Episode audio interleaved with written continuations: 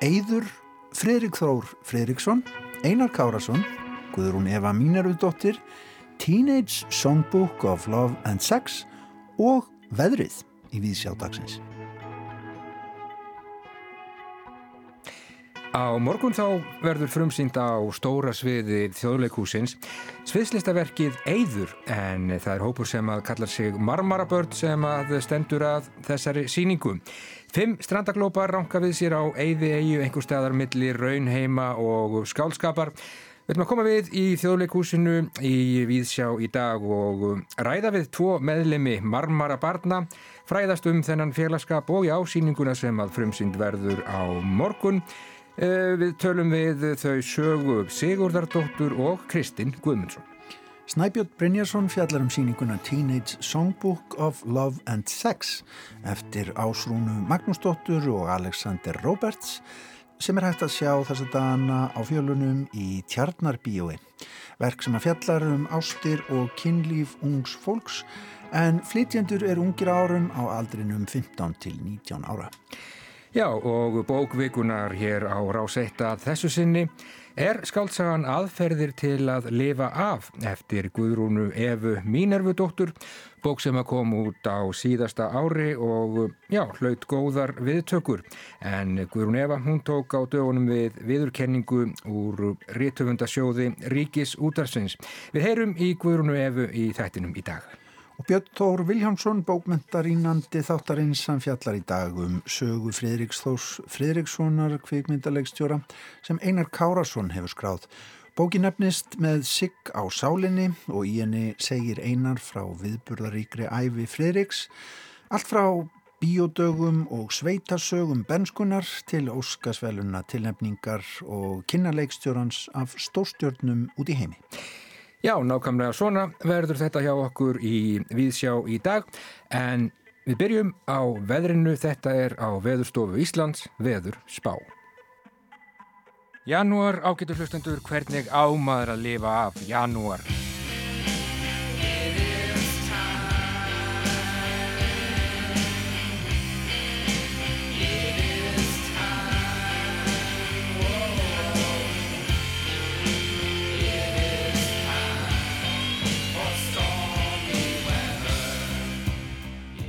Veðurfregnalis Bjarki Kaldalands frís. Appelsínugul viðvörun í gildi fyrir Suðurland, Faxaflói, Breiðafjörður, Vestfjörður, strandir á Norðurland vestra, Suðausturland og Miðhálendi. Eins og fyrir segði þá eru appelsínugular og gula viðvarnir í gildum allt land, norðaustan stormur eða rók og hríð og skafræningur og linnir ekkert fyrir sent annað kvöld. Það er mikil vetrarfærð á landinu. Appelsínugul veðurviðurinn er í gildi um nær allt land í dag og á morgun. Sekundi síðdeis og skafræningur. Appelsínugular viðvaranir út um allt helstu stjörnur mánadarins veðurfræðingar. Ísland, appelsínugula viðvörunin í norðri þjóðfáni okkar Íslandinga ætti auðvitað að vera appelsínugulur. Ég geri það hér með að tilöguminni. Engin ferða veður dag eftir dag, viku eftir viku, maður gerir varla annað en að fylgjast með færð. Kortin eru appelsínugul, vegirnir eru appelsínugulir, heimurinn er appelsínugulur. Maður vaknar á mótnana allt kól svart, stöðlast að kaffevélinni kveikir á útvarpinu appelsínugular viðvaranir út um allt.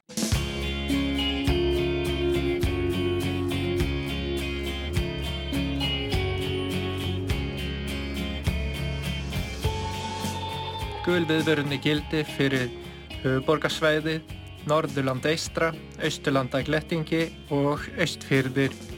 Veður horfur á landinu til miðnættis annað kvöld. Suðurland... Janúar og hvernig ámaður að lifa af janúar, janúar, þetta eru auðvitað bara sex sárasaglusir bókstafir Orð sem við notum yfir fyrstu daga, já og vikur ásins 31 dagur en drottin minn dýri allar lægðirnar, allar þessar appelsínu gulu viðvaranir. Ísland, ekki mín draumur, mín þjáning, mitt þróttleysi og viðnámi senn heldur appelsínu gul viðvörun. Ekki vangjuð auðn með sín víðerni blá heldur appelsínugul viðvörun. Janúar og sjálfur djöfullin ólmast friðlaus á fjárstyringunni. Hann hefur að venju eitthvað ílt í huga, annars væri hann ekki djöfullin. Hann hefur eitt og aðeins eitt á stefnuskrásinni að feikja okkur öllum lengst á haf út. Þetta er þrátt fyrir allt og þrátt fyrir allt og þrátt fyrir allt príðilegt ferða veður. Veður horfur á landinu til miðnætti sanna kvöld. Suðurland, vaksandi norðaustanátt, 18 til 28 metra sekundi síðdeis og skafreiningur, kvassastundur eigafjöllum. Við þurfum ekkert að hafa fyrir þessu, hættum okkur bara út úr hús við því miður og djöfullin sér um rest. Það bætir í vindin, vindur vex, bálkvast verður orðið undir Hafnarfjalli um þrjúleitið, ringveginum lokað síðdeis. Öllu flugi aflýst, staðbundið, ofsa veður, austanlands með kviðum í öræfum og við lómagnúp, alltaf 40 til 50 metrar á sekundu, frá klukkan 2 í dag og fram á nótt, frá klukkan 2 í dag og fram í mars. Guð hjálpi mér, Guð hjálp okkur öllum. Appelsínugul viðvörun í gildi fyrir Suðurland, Faxaflói, Breiðafjörður, Það er mikil vetrarfærð á landinu. Appelsínugul veðurviðvörun er í gildi um nær allt land í dag og á morgun. Öllu flugi aflýst við komust ekki neitt nema með digri aðstóð djöfulsins. Það stendur ekkert á honum, hann hefur ráðið vindinn, þann dýrvittlausa dugnaðar fólk í blindfullt starf. 24 tíma sólarhengsins takk fyrir alla daga vikunar. Ráðningartímabilið rennur út í fyrsta lagi í mars. Það er janúar, ágættu hlustendur, hvernig ámaður að lifa af janúar. Ekki spyrja mig, látið ykkur ekki dætt í hug að spyrja mig. Janúar, bara sex bókstafir, sex sára, saklausir bókstafir og Ísland er appelsínu gul viðvörun í norðri. Ó, fljúðu með mér burt, burt, burt, lengst út í buskan. Látum vindin feikja okkur langt út í buskan, snúum aftur þegar óveðrinu slotar, það verður varla fyrir enn í mars varla fyrir henni í apríl, varla fyrir henni í mæ, varla fyrir henni í júni, varla fyrir henni í júli, varla fyrir henni í ágúst, varla fyrir henni í september, varla fyrir henni í oktober, varla fyrir henni í november, varla fyrir henni í desember, varla fyrir henni í janúar, varla fyrir henni í februar, varla fyrir henni í... Veðurfregnalis. Appelsínugul viðvörun í gildi fyrir Suðurland, Faxaflói, Breiðafjörður, Vestfjörðir, strandir á Norðurland vestra, Suðausturland og miðhálendi. verður mjög kvast eiginlega alveg á, á morgun Þeir sagði það eru appelsínugular og gula viðvörun í gildum allt land, norðaustan stormur eða Appelsínugul viðvörun í skafrenningur gildi, og viðvörun í gildi.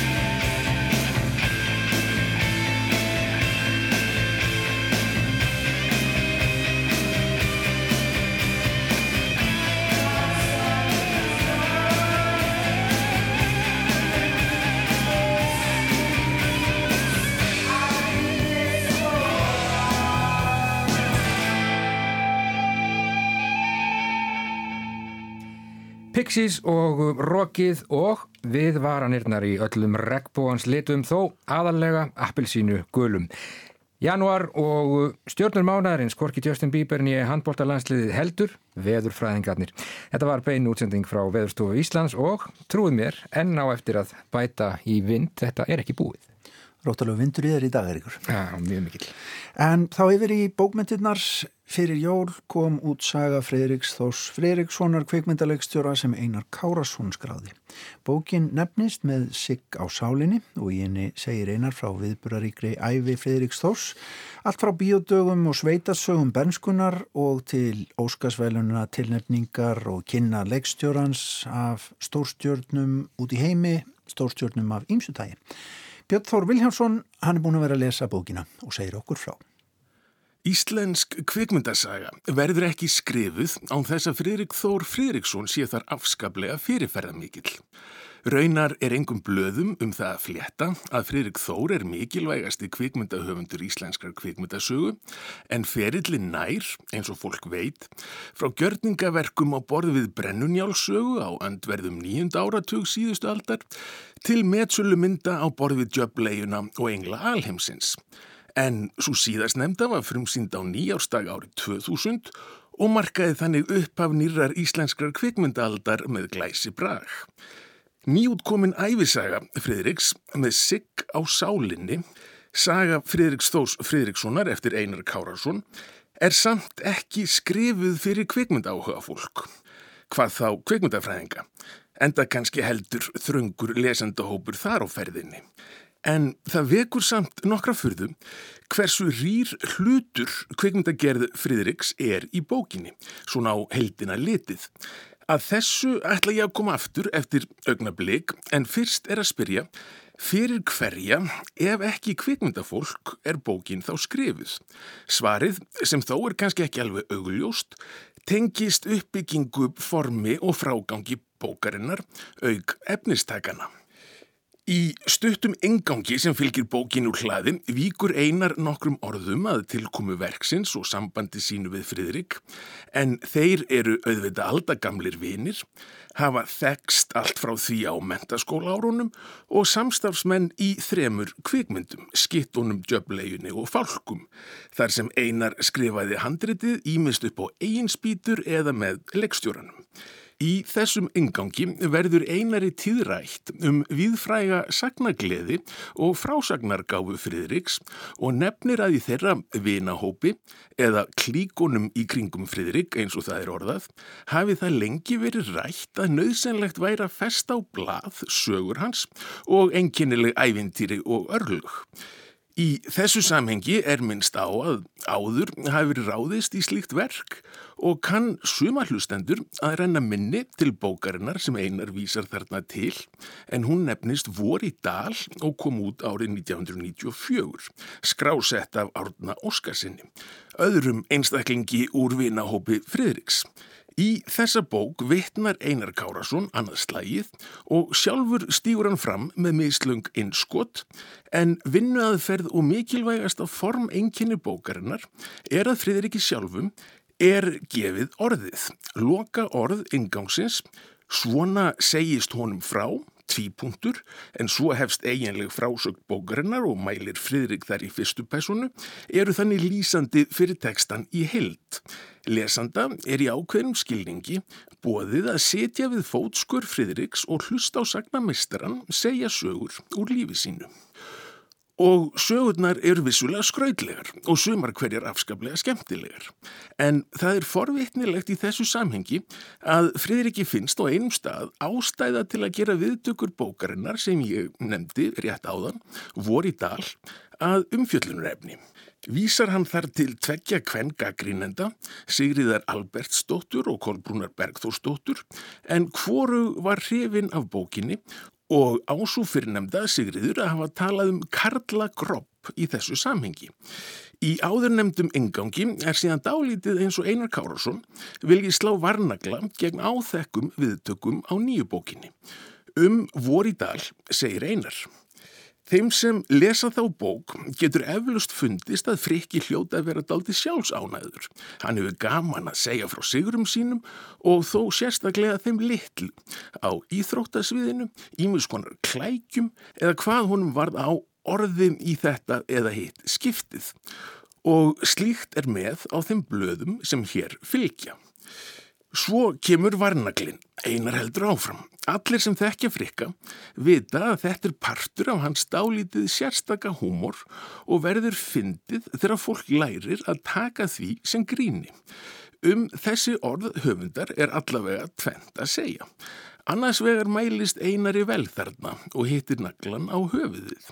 Það er grobb bragur af mörgum þeim sögum sem Fridrik segir í bókinni en hann er góðlátlegur og snýst einmitt gerðnan um litlu sigrana. Lagsana sem í slíkum röðum voru veitir að staðurinn þaðan sem línunni var kastað var í kjölfarið kendur við Fridrik. Mörkin sem voru skoruð eða forðað frá því að verðað veruleika en þá er Fridrik í marki, slíkar sögur eru legjón í bókinni.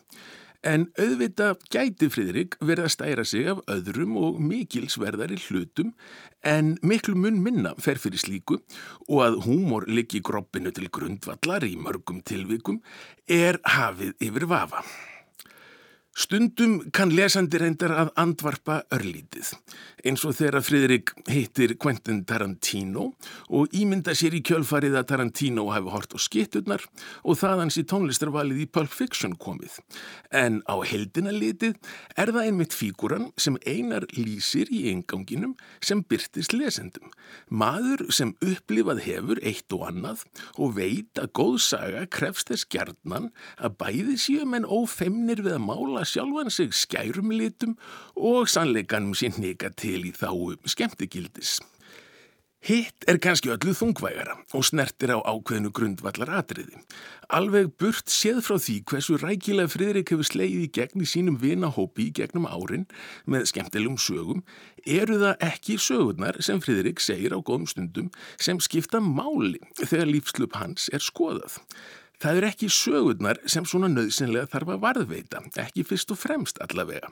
Heldur ber að huga að þeirri staðrind að Fridrik er listamadur, hvers höfundaferill í íslenskri kvikmyndagerð er ójafnaður. Það er fyrir kvikmyndirnar sem hans veru minnst og það er kvikmyndagerðin sem maður myndi halda að væri aflvaki bókar sem þessarar.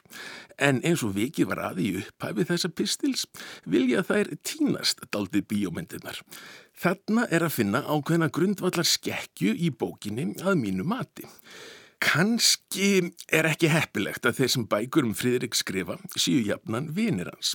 Það er því ekki að undra að vinurinn einar gangist nær gaggrinnislaust inn á sögurskoðun og frásögn Fridriks, nokkuð sem býr í sjálfum frásagnarhættinum sem er galli enda þótt að kunni hafa gert vinnuna við bókina þægilega. Fjarlægðin á viðfangsefnið hverfur, áleitnar spurningar verðast aldrei hafi verið hlut af vinnuferlinu og útkoman er verk sem hefur nær ekkert heimildargildi sem er miður þegar um æfusögu jafn mikilvægs listamanns í íslenskri menningarsögu er að ræða. Þá er líka eins og skýrt konsept fyrir bókina hafi aldrei verið til staðar. Það er allt gott um skemmtilegar grópsugur að segja en þær kom ekki í staðin fyrir struktúr og sjónarhorn höfundar. Þá tilfinningu að lífslaup Fridriks sé eitthvað sem hægt sé varpaljósi á og sé þess virði að skoða alvarlega. Hér áðan myndist ég á að hlutur kveikmynda Fridriks sé fyrður rýr í bókinni og nægir kannski því samhengi að benda á að sögur af amatör fótboltafélagi Fridriks fær meira pláss en varið er í allar kveikmyndir Fridriks að þremur undanskildum. Á fjórum síðum er til dæmis fjallað um Rokki Reykjavík, þremur er varið í Engla Alheimsins og einni efnisgrein í Næsland. Sjö síður fara hins vegar í fótboltafélagið Árvak og enn fleiri í Lunch United. Nú er verðt að ítrekka að Fridrik er vissulega sagnamaður góður. Því fekk ég að kynast þegar Guðni Elísson og ég sátum með honum í tvo daga og tókum við hann 50 blæðsina viðtal sem byrtist svo í bókinni Kúriki Norðursins. En eðlilegt hefði verið að þessari sagnagáfu Fridriks hefði verið stýrt og beint í tilteknar áttir af höfundi bókarinnar. Kvikmyndasögulegar áttir hefði ég sjálfur kosið og finnst í raun að hefði verið eðlilegt en það er ekki gert. Eftir stendur því bók sem er skemmtileg aflestrar en er fjarið því sá minnisvarði um feril og lífslaup Fridriks Þórs sem þessi öndveis leikstjóri verðskuldar. Segði Björn Þór Viljámsson um uh, bókina með Sigg á sálinni eftir Einar Kárasson þar sem að saga Fridriks Þórs Fridrikssonar kvikmyndaleikstjóra er sögð og meira af uh, nýlegum bókum. Já, bókvikunar á rásitt að þessu sinni er skaldsagan aðferðir til að lifa af eftir Guðrúnu Efu Mínarvedóttur sem núna bara á förstudaginn tók við viðurkenningu úr rítöfundasjóði Ríkisútarsins. Guðrún Eva les nú stuttan bút úr upphafi þriðja kapla sögunar þar sem ein af nokkrum aðalpersonum hennar, Aron Snær, 11 ára gammal, hefur fengið það verkefni að láta pumpa í reyðhjól á nærleikjandi bensínstöð og fekk hann þúsund krónur fyrir greiðan. Ég fann fyrir þúsundkallinum í vasanum eins og hann væri lifandi. Fyrst veitt hann mér öryggi en síðan stressaði hann mig upp. Ég gæti ekki ákveðið hvað ég ætti að kaupa. Kanski nammi á bensinstöðinni. Þetta var í fyrsta sinn sem ég teimti hjól og ég varð undrandi á því hvaða rann léttilega við hliðin á mér. Nema þegar ég fór upp eða niður brekku, þá þurfti ég að hafa aðeins meira fyrir þessu. Mamma vill ekki að ég tali við ókunnuga. Hún heldur að þeir hafi áhuga á enga stöðunum á mér, en það er miskilingur. Ég hef þannig áhrif á fólk að það verður áhuga löst og því leiðist.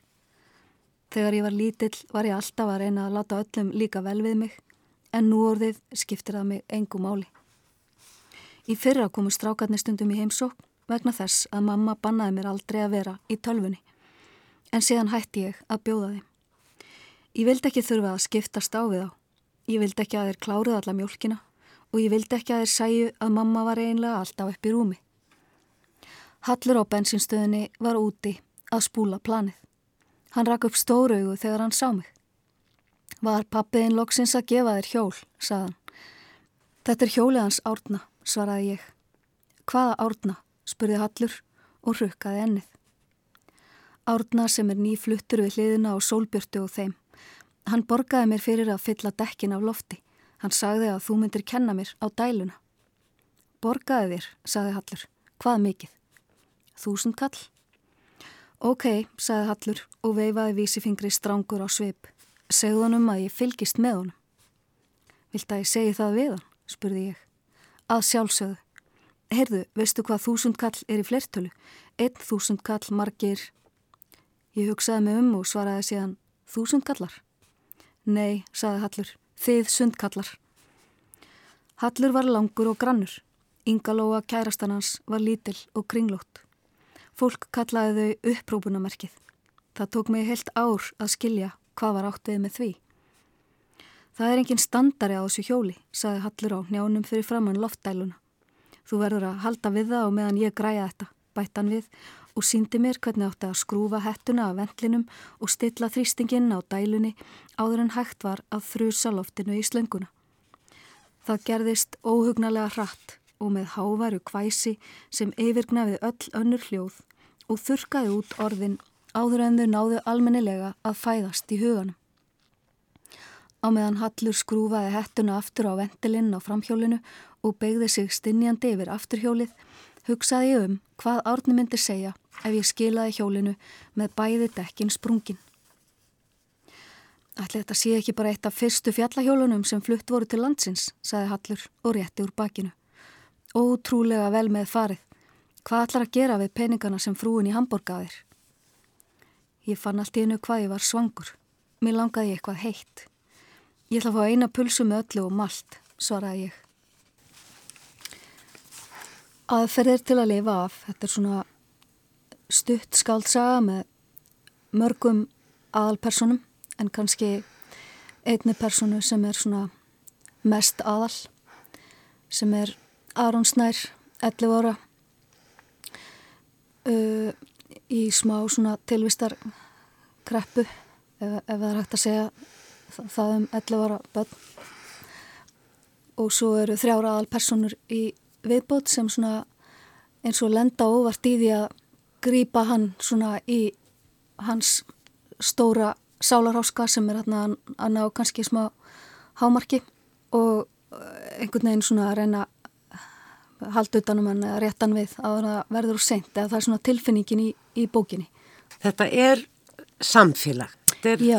þorpsbók. Akkurat, hún gerist í litlum bæ sem að hérna, flestir muni sjá fyrir sér löga vegna þess að það er inn í miðjulandi og það er íþróttakennaraskóla á svæðinu. Og vatn. og vatn, já.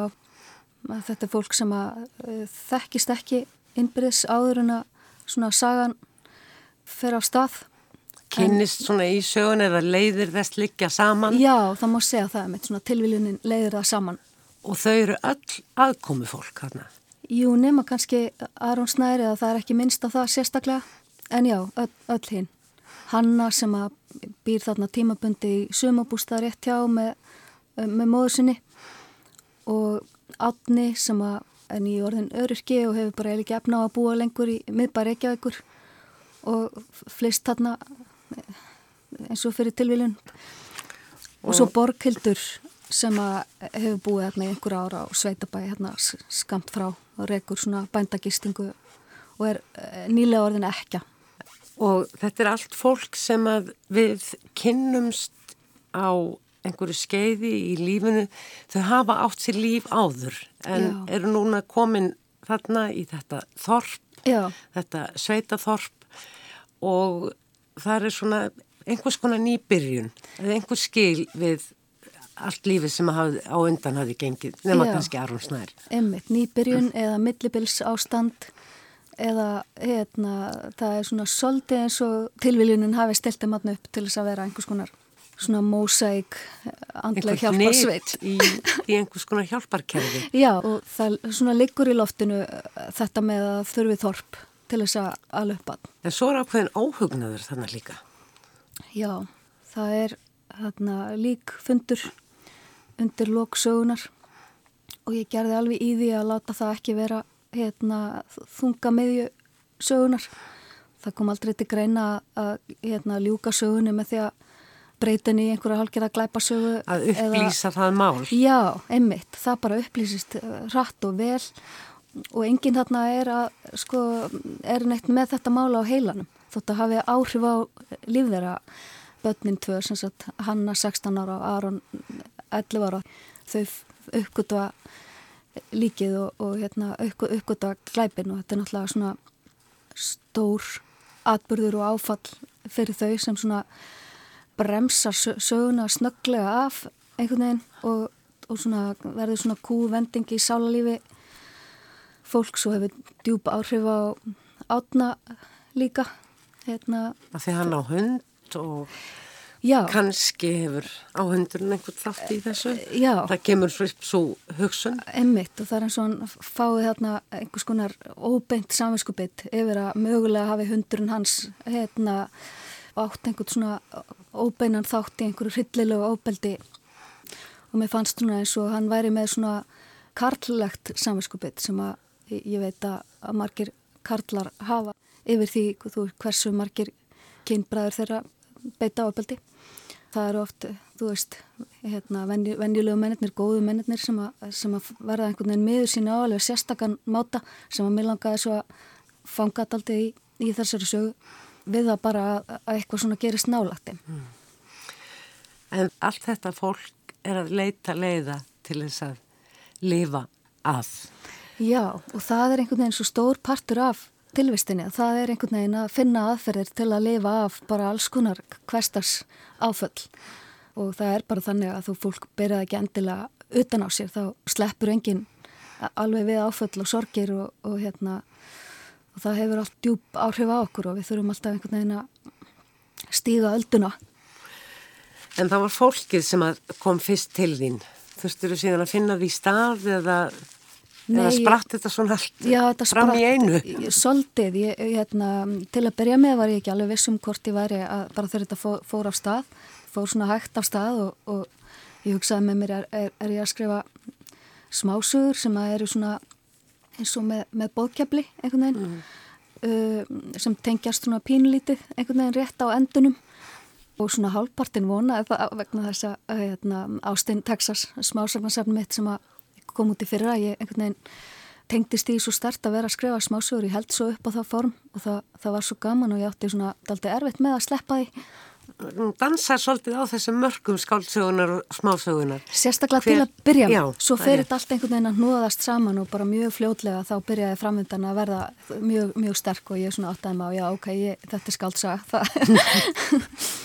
en stutt og uh, líðandi. Hún er ekki með einhverjum stórum hnútum eða, eða krosskutum þó að gerist þarna stóri hlutir Já. sem að þarf að takast á við. Já, einmitt og meðan ég var að skrifa hana þá hugsaði ég oft með mér, þú veist, má þetta, er þetta ekki á hverstarslegt og ótaðist aldrei bara svona að fá kvartanir um það en það verist vera hverstarsleikin bara sé ekki af hverstagslegur og við höldum og höfði meira til fólks en við höldum.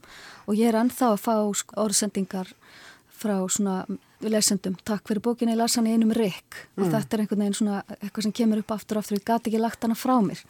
Og ég tek eftir því vegna þess að ég hafi haft ágjur af því að fólk væri svona Er þið bara leitt? Já, er þið myndið berast kvartanir byrju, og ég verið að lesa þetta, hvað gerist ekkert og, en þetta gerist fullt þetta er ekki svona skaldsaga þar sem að mm, fyrst establisera maður einhverja daglega rútinu og svo gerist eitthvað svakalegt og þá breytist allt á þessum sem þarf síðan að fara í einhvern svona eitthvað flikkflakk til að læra eitthvað af þessu til þess að fara út í heim og læra hræðast. Já, eitthvað neði þannig og rata síðan aftur heim. Mér langaði ekki í þá uppbyggingu og það var einmitt þar sem ég hafi notið svo við það að skrifa smásugur það var verið alltaf svona laus undan þessu oki Af þessu er, eru skaldsögur fagbókmyndur, maður þarf alltaf að vera að finna formið upp á nýtt. Við, við komumst ekki upp með að, að skrifa eitthvað formúlikent og kalla það bókmyndir. Það ásýr bara hérna annan stað.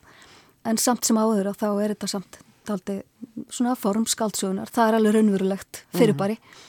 Og þarna fannst mér, mér takast svolítið að snúa upp á það anþess að fórna þessu mikilvæga að lesandin sé tógaður áfram og vil ég helst ekki leggja bókina frá sér. Ég vil skrifa þannig bækur. Þú segir eitthvað um endin? Mm, þá er það ljóstur allir upp? Það er eiginlega ekki eins og hætta á því. Þetta er svo innilega löstu að vera hút annir. Mér, mér líður eins og alveg sama hvað ég segi. Ég, það mun ekki eiðilegja bókina fyrir neinum.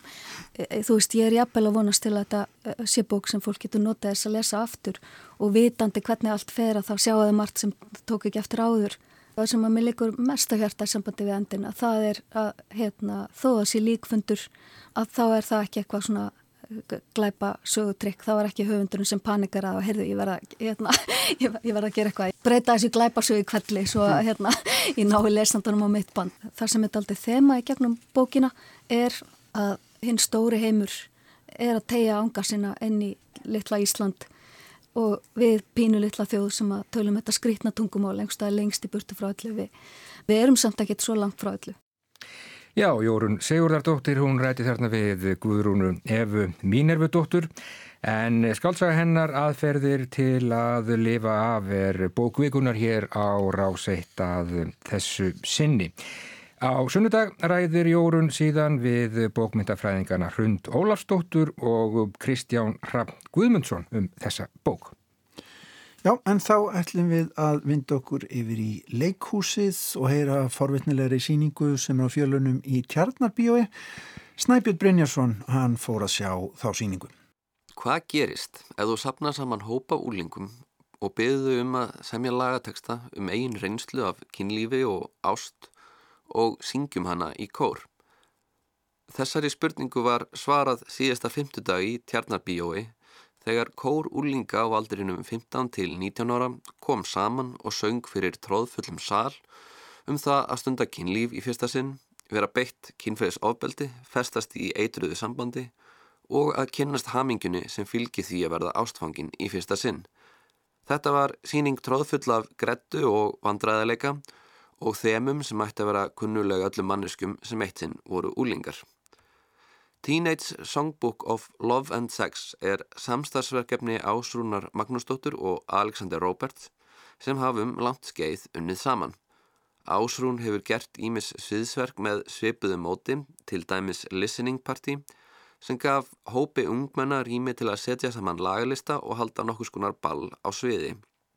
Teenage Songbook of Love and Sex er að mörguleiti svipaðverkefni þar sem úlingarnir stíga fram, kynna sig og segja frá lögunum í stuttum áli en aðalmunurinn fælst í því að í þessu verki eru tekstarnir þeirra eigin smíð. Alexander er einn af listrænum stjórnundum Reykjavík Dansfestival en verki var sínt á þeirri hátíð eins og mörg önnur verka ásurnar hafa verið sínt í gegnum tíðina. En af hverju var titill verksins á ennskum? Á síningunu eru að vísu nokkur lög á íslensku því það let kórin hjartaðráða för að eigin sögn en langstærstur hluti tekstana er á ennskum.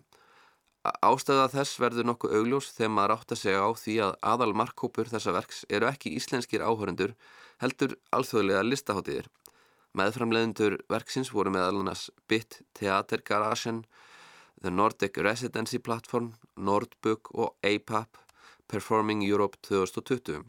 Með öðrum orðum hafa Alexander Ásson verið nokkuð snjöll í að nýta sér norrænan og evróskan fjárástunning til að skapa verk sem hefur ferðast alþjóðlega og mun eflust ferðast meira milli alþjóðlara hátíða því þetta er söluvanlegt konsept fyrir slíkar hátíðir. Hvað sem því líður þá á verkið er enda við samfélagi sem það var skapað í. Tekstarnir sem kórun hefur samið eru margir nokkuð fyndnir, sumir vandræðilegir, aðrir hjartnamir og eftir því sem ég kemst næst alltaf einlægir og alltaf sóttir í persónulega reynslu. Sum þessara ungmenna eru greinlega nokkuð efnilegt tónlistafólk með góða sönguröld og ágætist tök á meira en einu hljóðfari. En sem dæmi meina reynslusögu sem fær að flakka er saga ungra konu sem lýsi því þegar hún svaf hjá eldri konu með grásprengt hár sem hún hitti í partíi og laug að um aldur sinn.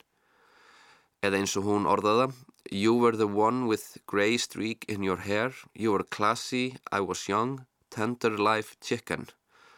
Þú varst þú með gráa rönd í hári, þú varst flott, ég var meirt unglamp, var ég kannski einleið til að þýða það. Önnur eftirminnileg reynslusaga lýsir erfiðu sambandi þar sem ung kona lýsir því að hún sé þreytt á að vera kynlífstúka, þerapisti og móðir Karlmanns sem er í heldur í hana. Sum lög voru fyndin, til dæmis það sem var tilengað þyrstu tíkinni sem býr innra með okkur öllum. Það á fjölmörk önnur lög myndum mig á köplum á lagasmíðar úr South Park þáttunum og sumir frasar voru það klikkaðir að ég hugsaði með mér Þetta skaldar engin, þetta hlýtur að vera ekta SMS. Personulega náði ég að tengja með margar reynslu sögurnar, bæði haminguna, vandræðilegheitin og litlu harmleikina sem fylgja því þegar úlingar verða ástfangnir og missa áhugan hvort á öðrum. Laugin sem tónlistastjórin Teitur Magnússon á eflaust einhvern heiður af á samt kórfjölugum og kórstjórunum Sigriði Sofju Hafleðadóttir og Aroni Steini Áspjarnasinni voru grýpandi og einföld en það hefði mátt krytta þau aðeins meira með röddunum. Möguleikarnir sem fylgast í því að hafa kór með breytta rattsvið voru því miður ekki nýttið til fulls. Í verkinu er lástemt kóriografía sem er bæði skondin og ágjalla útfærð. Ásrún og Alexander eiga hróskilið hvað við fengum út úr hópnum og það eiga úlingandi líka fyrir að hafa opnað sig svona og náða skil af sér heilst eftir listaverki. Þó ég vil ekki ganga svo langt að segja verkið óklárað, þá fannst mér stundum vanta punktinn yfir yðið. Kanski þyrst að semja tvö lögtu viðbátur og sleppa einu eða tveimur öðrum til að fanga til fullnustu möguleikana sem felast í hugmyndinni. Ég vona að verkið ná að halda áfram að þróast, að meiri dýft kom í það og að útfærslunar á sönglögunum verði kannski aðeins floknari. Verkið ætti þó að höfða til breyðs hóps fólks, ekki bara ungmenna, sem þó munu eflaust sérstaklega tengja við efni við söngleiksins og ekki er óvilkilegt að hver síning sé síbreytileg, sér í lagi þegar þau munu sína á mismunandi hátíðum í ólíkum löndum.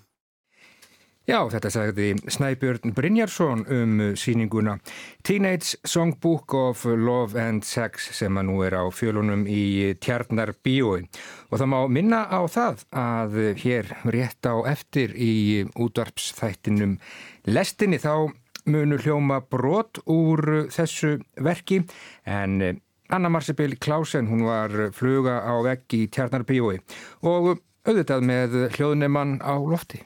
Já hún var eiginlega upprifin yfir þessari síningu niður við tjörn. Nákvæmlega. En meirum leikús, við skulum bregða okkur niður í bæ og fara upp á hverfiskötu niðan af tjörn.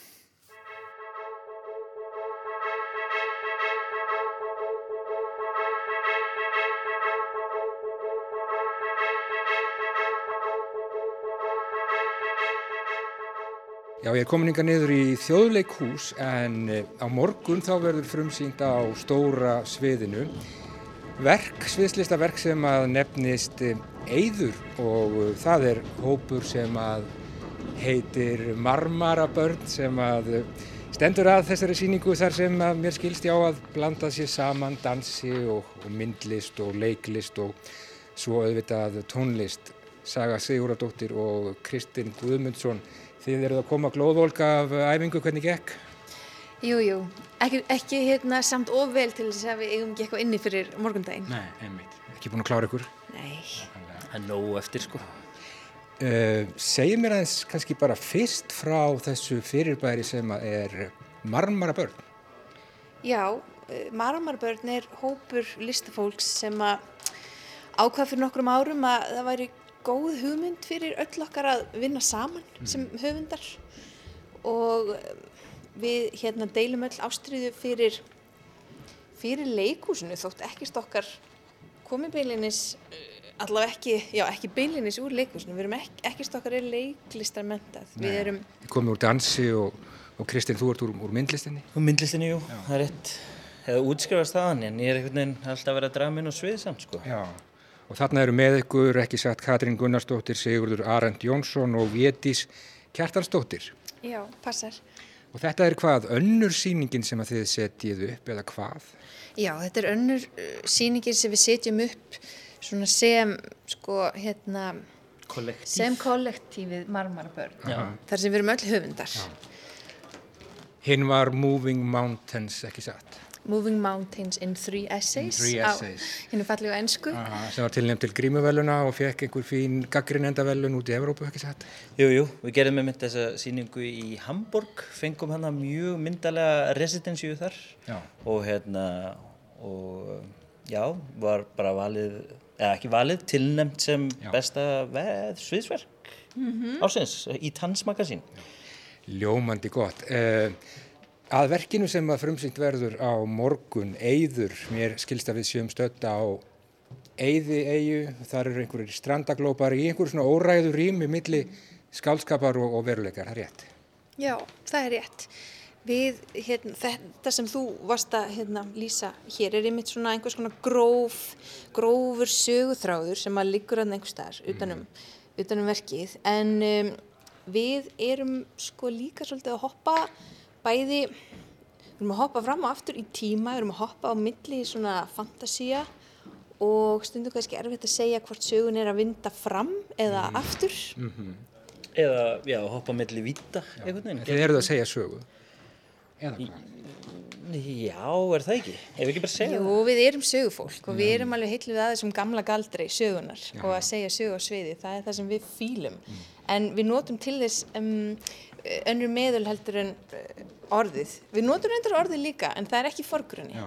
Við notum sjónrænuvítina og mm. henni líkamlegu fyrst og fremst. Já, þetta kannski hérna, talið er einhvers staðar í bakgrunni mér sko, okay. myndi ég segja, sko, mm -hmm. alveg okay. aukaðatrið. En á hverju eigur, sko, nú er þær eigur eh, eða eigan er svona, já, merkingar, merkingar þrungið fyrirbæri svona í vestrætni menningarsögu, bara alveg frá Hómer held ég, á hverju eigur?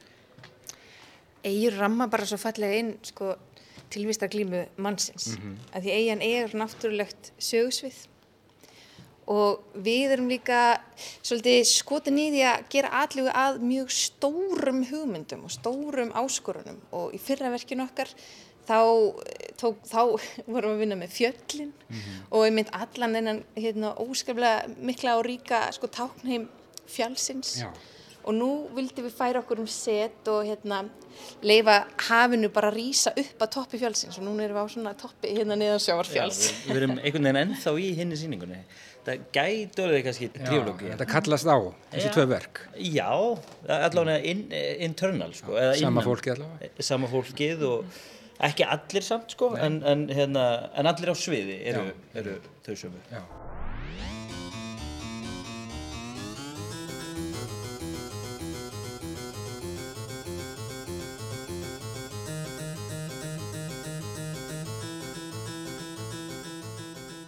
Þarna er sko, ég sá í, í brefi að, að þið uh, séu það uh, já, vinna einhvern veginn með meðal annars minni þetta fólk er á þessari eyðau og er að hvað, endur skapa heiminn einhvern veginn eftir minni. Já, okkur fannst það mjög svona heillandi tilhugsun að segja svo hvað ef menning okkar skólaði Já. bört og við þýrstum að byrja einhver staðar frá að skapa okkur veröld um, og þá var okkur hugleikið minnið í því og, og hvað við myndum draga upp úr þessu blessaða minna okkar til þess að já, skapa okkur einhverjar lífanlegar aðstæður. Já, það er ju fullt af eigðum minnið. Það er alveg fullt af uh, gloppum, getur við líka sett, og, og hérna, eigðum og, og við náttúrulega bara reynum að pikka það besta. Er það eigðurna sem þið eru að vinna með það? Til dæmis, Til dæmis já. já um, og, og hérna, og kannski bara eigði eigin einmitt líka sko þó að hún sé skrifið með uppsölunni Þetta er nýtt slangur fyrir eigði eigur Eigður Hér er allt fullt af plasti hvers vegna? Já, við hérna byttum í okkur viss að þrá ekki fyrir plasti þegar við fórum að vinna þetta verk. Og það er svolítið í okkar anda við þegar við vinnum saman þá já, tökum við af okkur svona efni sem við leiðum okkur að næra viss að þrá ekki gagvart og núna var það plastefni viður. Um, það er kannski ekkert hérna, rosalega svona dulafull ástæða fyrir því. Nei, ég held að hún sé alveg... Engi pólitík eða? Jú, alveg hellingspólitík okay. kannski, en, en þetta kveiknaði sko í endanum enda ferilsins um, um hérna, Moving Mountains að þá kom bara plastuð upp alveg bara um leið Þess, þegar við vorum að ræða þessa hugmynd um næsta verk og þá var bara plastuð og plastuð hefur bara fyllt okkur núna hvað er þrjú ár. Já, okay. við vorum líka svo mikið að hugsa um sko hvernig hlutir rýsa á nýga hvort sem það er siðmenning eða, eða öldugangurinn og hérna og plastin alltaf kom fram sem útópísk útópíst element. Já. og hérna heimurinn alveg hérna bara var að dyrka þetta. og svo tók það náttúrulega bara sína dífu og hvert ætlaði henni ofta að fara með það? Já, ég er með það, þetta er upprisan og, og, og hnignunin af, af plastinu. Að, að þú veist, að, að mennirnir byrjuði að dyrka það en sen byrja plastið einhvern veginn að flæða yfir okkur og, og hérna Kaffær okkur. Kaffær okkur, já, kaffar okkur og við hefum bara þennan fjall, fjallstopp sem er orðin eigði eftir einhvern veginn. Sko, þið eru skilgrein þannig að þið uh, setjið upp myndræn uh, sviðsverk gerið atrennur að mögulegum og ómögulegum verkefnum. Hvort er þetta verkefni sem að fer á svið hér stóra svið þjóðleikúsins og morgun hvort er það mögulegt eða ómögulegt? Það kemur í ljós kannski. Ætli það kom ekki í ljós. Við erum líka bara að spurja heiminn svolítið. Er þetta mögulegt? Já, eða er þetta ómögulegt? Mm. og, og það er margt fallet í því ómögulega. Að fara í adrinu inn í það ómögulega er, er, er fyrir mér rosa skemmtilegt. Það er heilandi. Það er mjög heilandi að að, að láta sér bara gossa og svo bara verður það kannski mögulegt. Heldur betur. En það virkar vel fyrir ykkur að já, koma svona úr uh, ólíkum áttum og, og blanda saman ykkar aðferðum og hugmyndum og, og það verður þá vantanlega einhver skemmtileg dýnamík til úr því eða hvað? Jú, við viljum rétt að vona það. Mm -hmm. um, einmitt eins og þú segir, við komum vel svona úr ólíkum áttum og en það sem saminar okkur er einmitt kannski þessi í rauninni avanturismi gagvart leik og húsinu því okkur, mm. ekkert okkar er strangt til tekið þaðan Nei. og það kannski veitur okkur líka pínlítið svona frelsi, frelsi og þú er ekki bípsins. Já, akkurat. og hérna allt svona verða er það ekki bara nokkurn veginn klappað og klárt fyrir fyrir morgundagin, ég ætla rétt að vona það. Jú, það jú. jú, jú, það var gott að, að fara í gegnum svona erfitt reynsli, húsið er kallt, Já. við vorum köld og það er er þriðudagur og hérna, þú veist, en ég hef engar ágjör fyrir miðgudeginum, það stittist í helgina þá og þá verðum við öll orðin heit og, og góð sko. Komin í gýrin. Komin í gýrin. Eh, hvað er framöndan annars hjá eh, marmara börnum? Bara næsta verk sko, þriði þáttur í þessari episku trílógi okkar. Trílógi Af hverju marmarbörn? Sko ég veit það eða ekki. Eða svona sko það er marmarbörn eða marbalkrát og hérna marmarinn er eitthvað það er góð þegar maður horfur á marmara eða marmara kúlu. Að það er svona lita element svona, svona, svona einhvern veginn blanda saman og ætli við séum ekki eitthvað slags lita, mismunandi litir sem blanda saman í eitt stert efni Hljómar bara ljómandi vel og marmar er sannlega mjög stert efni uh, erum við ekki að verða bara nokkuð góð hverju erum við að gleyma? Jú, við gleymum því að minnast á Gunnar Karel Másson sem að gerir tónlist ekki satt Jú, Gunnar Karel Másson er uh, tónskald og flytjandi með okkur. Já. Hann hérna, er sérstaklega einn af okkur á sviðinu. Hann bara fer ekki af sviðinu, satt að segja. Hann er að nefn þá held ég. Til morgus. Herðu, uh, ég held að við segjum þetta, já? Við ætlum kannski að minnast líka á hann, hérna, hann Guðmund Úlfarsson. Já. Hann sér um hérna, myndrænt efni á, á sviði líka sem hérna, er mjög spennandi og hættulegt. Já. Hvernig áhrif viljið þið hafa áhrifundan á, á morgun? Við viljum fokkunum upp. Ég held að við trompum ekki þessi loka orð, Saga Sigurðardóttir og uh, Kristinn Guðmundsson. Takk fyrir að hitta mig hér í þjóðleikhúsinu á þriðu degi. Uh, frumsýning á stóra sviðinu á morgun, sviðslistaverkið Eyður. Ég segi takk fyrir mig og uh, gangi ykkur allt í hægin og við segjum þetta gott hérna úr þjóðleikhúsinu í Reykjavík. Takk. Takk. Takk fyrir.